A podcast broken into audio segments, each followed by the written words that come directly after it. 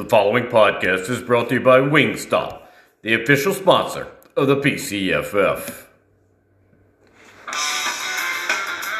Welcome to the PCFF podcast. It is Tuesday, November the 23rd.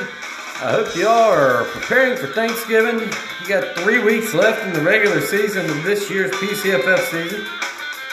11 weeks are in the books. Two teams have clinched playoff spots, and boy, what a battle it's going to be down the stretch these last three weeks. All that and a lot more right after this.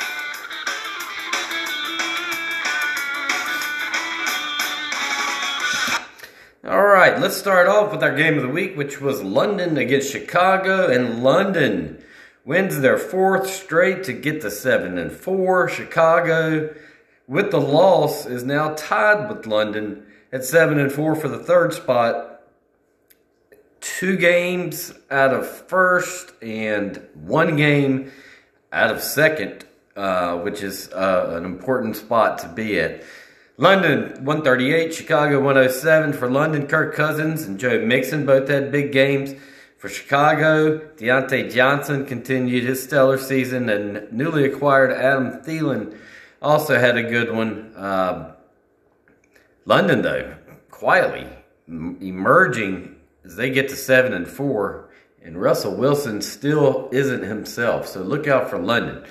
Carolina kept winning six straight now as they take down Pittsburgh 144 to 107. Jonathan Taylor, the story in this one is he puts up a 50 plus burger, 51 points something. I can't remember the exact total. Five touchdowns four on the ground, one through the air. DeAndre, Dre, excuse me, D'Andre Swift chipped in with a long touchdown and a good game as well. For Pittsburgh, Austin Ekeler in the losing calls had four touchdowns himself, but the Punishers now have lost three straight games. New Minglewood keeping pace with Carolina as they win 154 to 126. Justin Jefferson, the story in this one. 169 receiving yards and two touchdowns for New York. Aaron Rodgers kept a minute, but they do lose their fourth straight to fall to three and eight. Uh, New Minglewood at eight and three. I mentioned earlier Pittsburgh lost to Carolina. That puts Pittsburgh at four and seven. We're going to talk all about that in a minute. Uh, Miami, big win over Tennessee in a game that uh, really had a lot of talk leading into it due to some trade stuff. But all in all, Miami just showed out 154, 129. The defense set the tone for the militia. Tom Brady, Christian McCaffrey, all had big games. Uh, for Tennessee, Cam Newton played well, but they lost CeeDee Lamb to a concussion. And it looks like Michael Carter may miss the rest of the regular season with an ankle sprain. Tennessee now loses of five straight. They still are three and eight, however. Miami improves to four and seven and would be in if the playoffs started today. DC takes down Kodiak 136 93. Davante Adams, another monster game. That's why they drafted him early. Uh, for Kodiak, Lamar, an illness, non COVID related, kept him out, uh, which, which hurt the Grizzlies' offense. Obviously, DC getting to six and five, while Kodiak falls to four and seven. So looking at the standings right now, the Carolina Crush and the Minglewood Blues have clinched playoff spots. Carolina at nine and two, alone in first, leading the league in points. Minglewood at eight and three, all alone in second place. They control their own destiny to get that first round bye. London and Chicago tied for third at seven and four. London right now has the points though on Chicago, so they would be your three seed. DC at six and five, all alone in fifth. As long as he keeps playing well, it looks like Clip Rock will be in the playoffs, but there still are three weeks left. With that being said, DC has a two game lead on the sixth seed, which right now would be Miami at four and seven. However, Miami, Pittsburgh, and Kodiak all are four and seven. Tennessee and New York are both just three and eight. So that means basically all five of those teams are, are right there in it. Uh, their point totals are almost equal. Tennessee actually has the most points. They're a game out behind the four and seven teams, but there still is three weeks to play.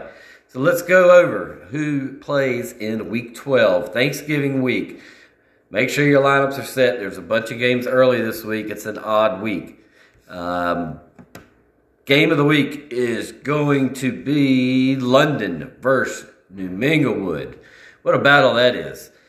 If London beats New Minglewood and Carolina beats their opponent, which is Kodiak, Carolina would all but clinch the regular season title.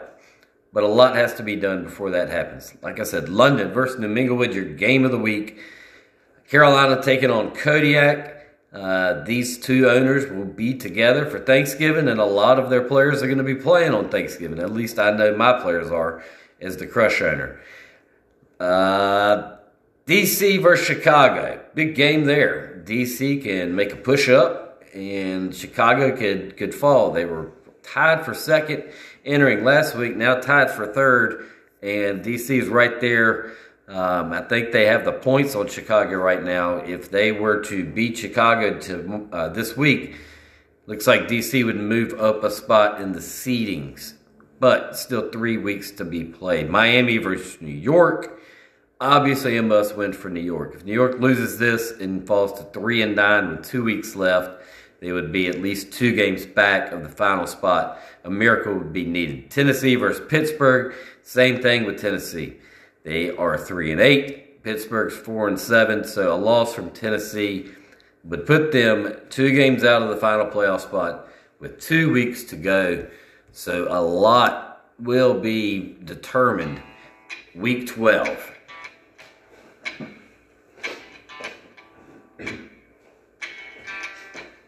Injuries, an issue as always.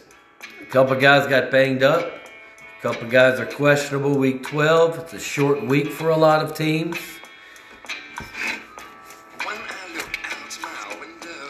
Weather becoming a factor.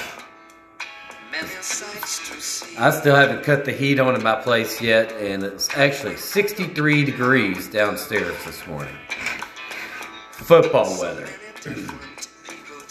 For right now, Daniel Hager signing off. Best of luck to everyone in week 12. Happy Thanksgiving.